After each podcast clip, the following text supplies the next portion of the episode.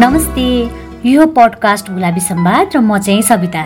नमस्ते अनि म चाहिँ करुणा। पडकास्टमा हामी यौन तथा प्रजनन स्वास्थ्य र अधिकार अनि कहिलेकाहीँ चाहिँ मानसिक स्वास्थ्यको बारेमा पनि कुराकानी गर्ने गर्छौँ।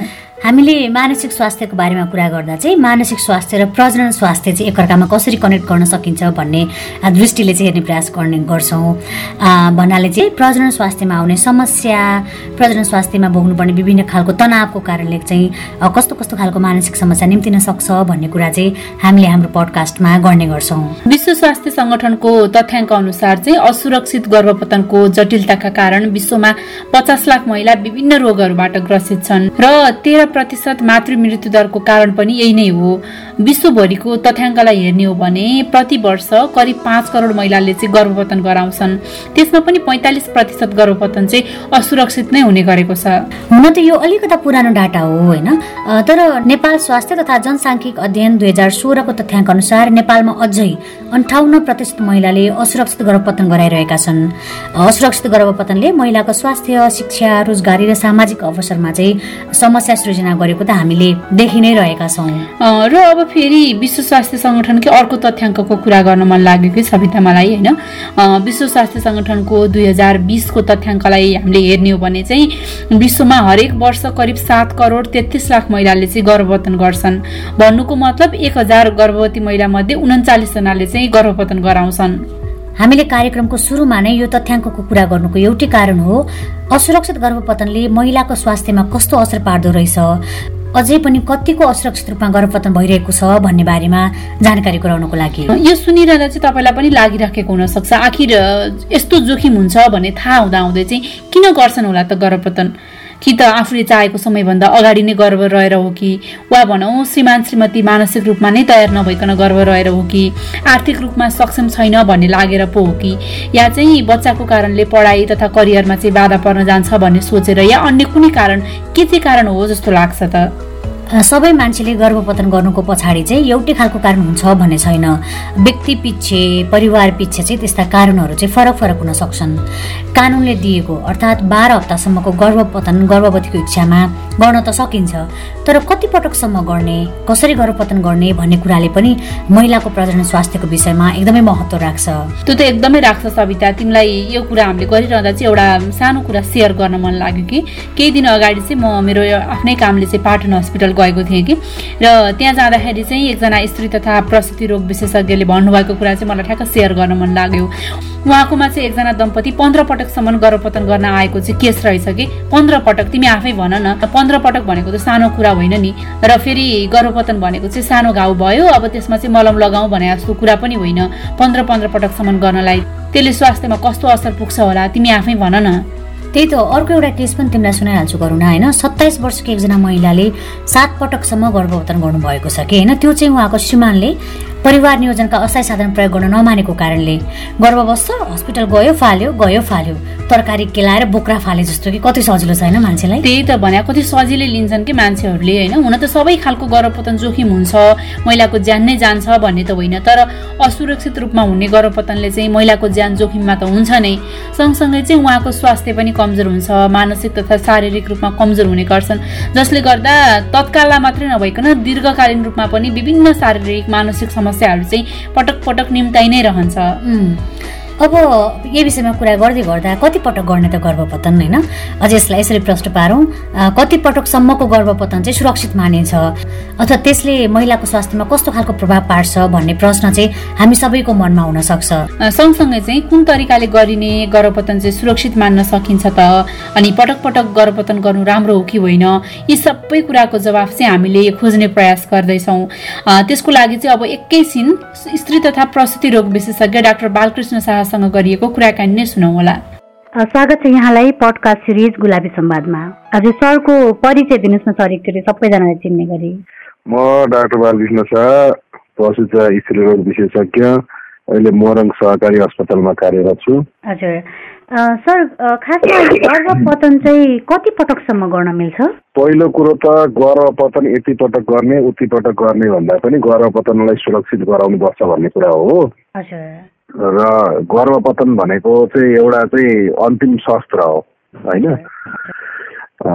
त्यस कारणले गर्दाखेरि यो यति पटक गर्ने उति पटक गर्ने भन्दा पनि सुरक्षित त जति पटक गरे पनि भयो। होइन यति नै पटक गर्न पाइन्छ योभन्दा बढी गर्न पाइँदैन भन्ने कुरा चाहिँ होइन। तर पटक पटक गर्भपतन गर्न पर्ने स्थिति आउनु भनेको त त्यति राम्रो कुरो चाहिँ भएन। यसले के देखाउँछ भन्दाखेरि तपाईँ गर्भप्रति संवेदनशील हुनुहुन्न होइन?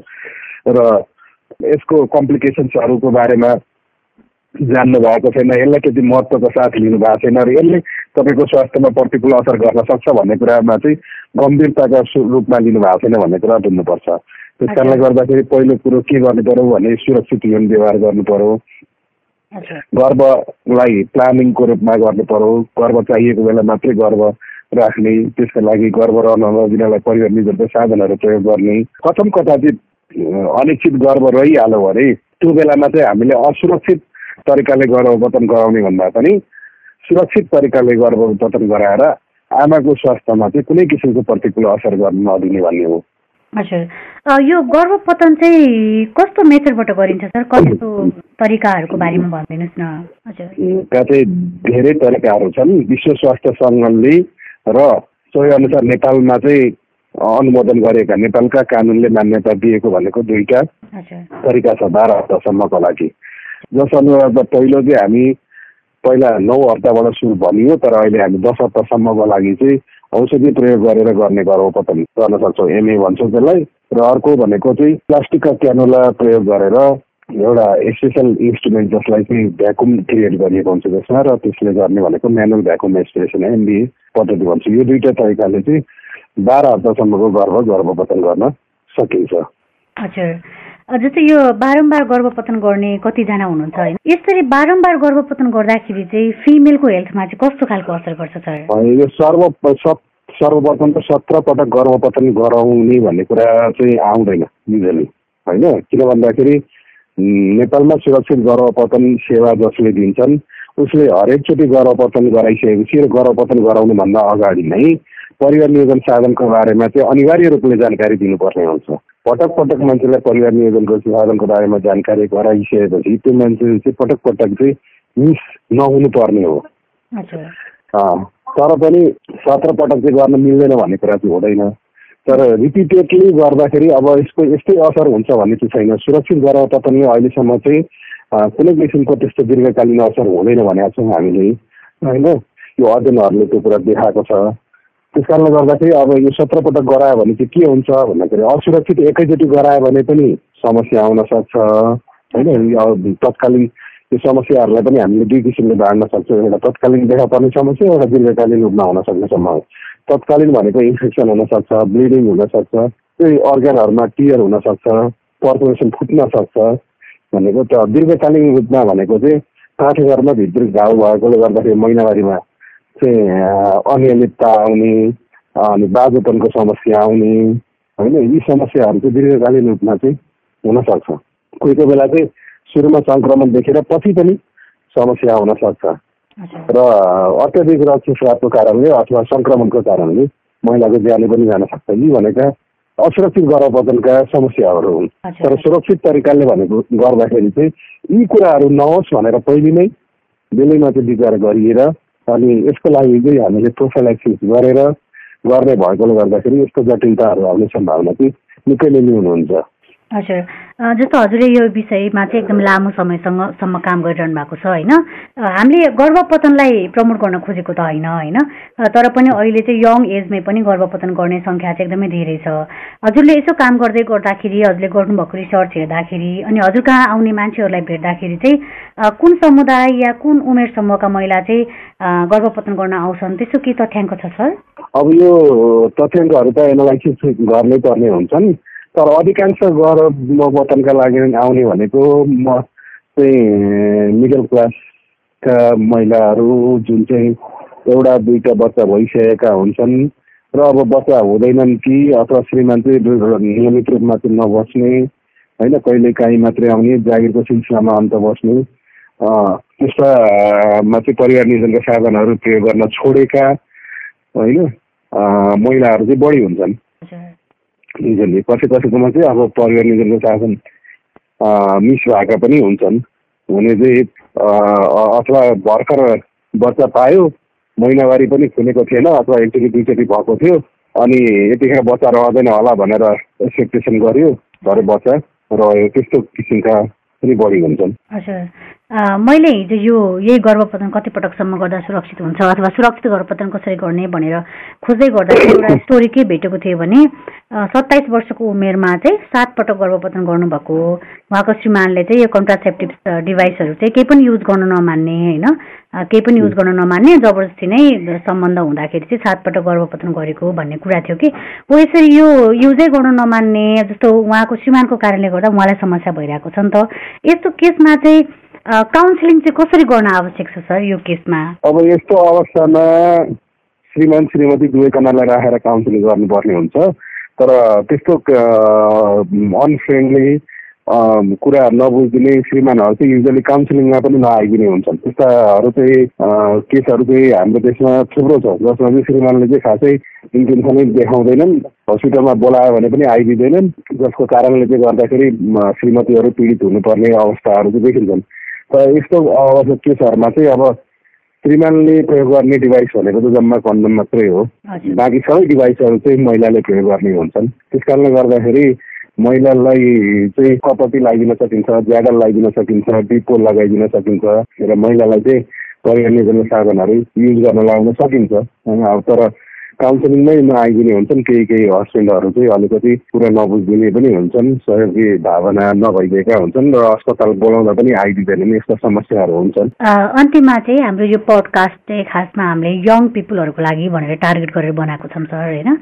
यसमा चाहिँ जस्तो स्कुल ड्रेसमै गर्भपतनको लागि जाने कलेज पढ्ने यु युवाहरूले चाहिँ एकदमै धेरै यो इमर्जेन्सी पिल्सको प्रयोग गर्ने भन्ने न्युजहरू पनि बारम्बार आइरहेको हुन्छ होइन? एज अ यही विषयमा काम गर्दै गर्नुभएको डक्टर हजुरले चाहिँ उहाँहरूलाई के भन्न चाहनुहुन्छ? पहिलो कुरो त के भन्ने कुरा हो भने अब हामीले जुन सम्पर्क नगर भनेर प्रोभिडेट गर्न सकिँदै त्यो तर त्यसका कारणले गर्दाखेरि असुरक्षित यौन व्यवहारका कारणले गर्दाखेरि चाहिँ गर्वको मात्रै कुरा छैन परिवार नियोजनका मात्रै कुरा छैन अन्य यौन रोगका पनि कुरा हुन्छन् होइन? त्यस कारणले गर्दाखेरि हाम्रा टिनेजर्सहरूमा पहिलो कुरो चाहिँ यो सम्बन्धी चाहिँ जानकारीहरू पर्याप्त जानकारीहरू चाहिँ दिनुपर्छ। र सुरक्षित यौन व्यवहार मात्रै गर्नु भन्ने किसिमको चाहिँ प्रमोसन गर्नुपर्छ। आकस्मिक गर्भ निरोधन चट्टी जुन इमर्जेन्सी कन्ट्रासेप्सन भन्छ त्यसको पनि बारम्बारको प्रयोगले त्यो भनेको नियमित खाने चट्टी होइन। होइन?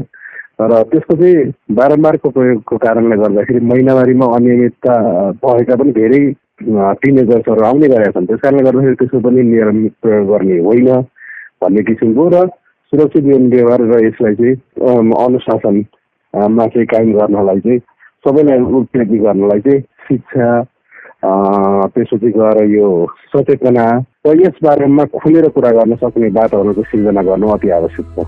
हजुर। यहाँको जानकारी र समयको लागि धेरै धेरै धन्यवाद सर। डाक्टर बालकृष्ण शाहलाई धेरै धन्यवाद। गर्भपतन धेरै गर्दा असुरक्षित हुने र थोरै गर्दा सुरक्षित हुने भन्दा पनि यो अवस्था आउनै नदिनु राम्रो हो। आफ्नो गर्वलाई महत्त्व दिने र यदि गर्भपतन गर्नै पर्ने अवस्था आएमा चाहिँ सुरक्षित रूपमा गर्भपतन गर्नुपर्छ भनेर जानकारी दिनुभएकोमा। यदि चाहिँ हामीले आफ्नो पार्टनरको भावनालाई कदर गर्छौँ सुरक्षित यौन व्यवहार गर्छौँ भने चाहिँ गर्भपतन गर्नुपर्ने अवस्था चाहिँ आउँदै आउँदैन। त्यसैले पनि एकअर्काको भावनाको कदर गर्ने गरौँ एकअर्काको चाहनाको कदर गर्ने गरौँ र एकअर्कासँग चाहिँ खुलेर यो विषयमा कुराकानी गर्ने अनि दुवैको सहमतिमा सुरक्षित यौन व्यवहार गर्ने गरौँ नै भन्न चाहन्छु। एकदमै। आज हामीले कसरी र किन सुरक्षित गर्भपतन गर्ने भन्ने बारेमा गरेको छलफल तपाईँलाई कस्तो लाग्यो? आफूलाई लागेको कुरा हामीलाई भन्दै गर्नुहोला भन्दै आजका लागि पडकास्ट सिरिज गुलाबी सम्वादको यो एपिसोडबाट बिदा माग्ने बेला भइसकेको छ। आफ्नो कुरा हामीलाई भन्नका लागि हाम्रो इमेल ठेगाना Gulabi Sambad at Gmail dot कममा इमेल गर्न सक्नुहुन्छ अथवा हाम्रो फेसबुक ट्विटर इन्स्टाग्राम र युट्युब मार्फत पनि आफूलाई लागेको कुरा हामीलाई भन्न सक्नुहुन्छ। हामी चाहिँ त्यहाँ गुलाबी सम्वाद नाममा छौँ। त्यो सर्च गरेर हामीलाई खोजेर कनेक्ट हुन सक्नुहुन्छ। त्यस्तै हाम्रो website W W W dot Gulabi Sambad dot कममा किशोर किशोरीका भोगाईहरू प्रकाशित छन्। ती सामग्री पनि तपाईँले पढ्न सक्नुहुनेछ र यदि तपाईँको पनि त्यस्तै खालको अनुभवहरू छ र हामीलाई सेयर गर्न मन छ भने लेखेर वा रेकर्ड गरेर हाम्रो विभिन्न ठेगानामा पठाउन सक्नुहुनेछ।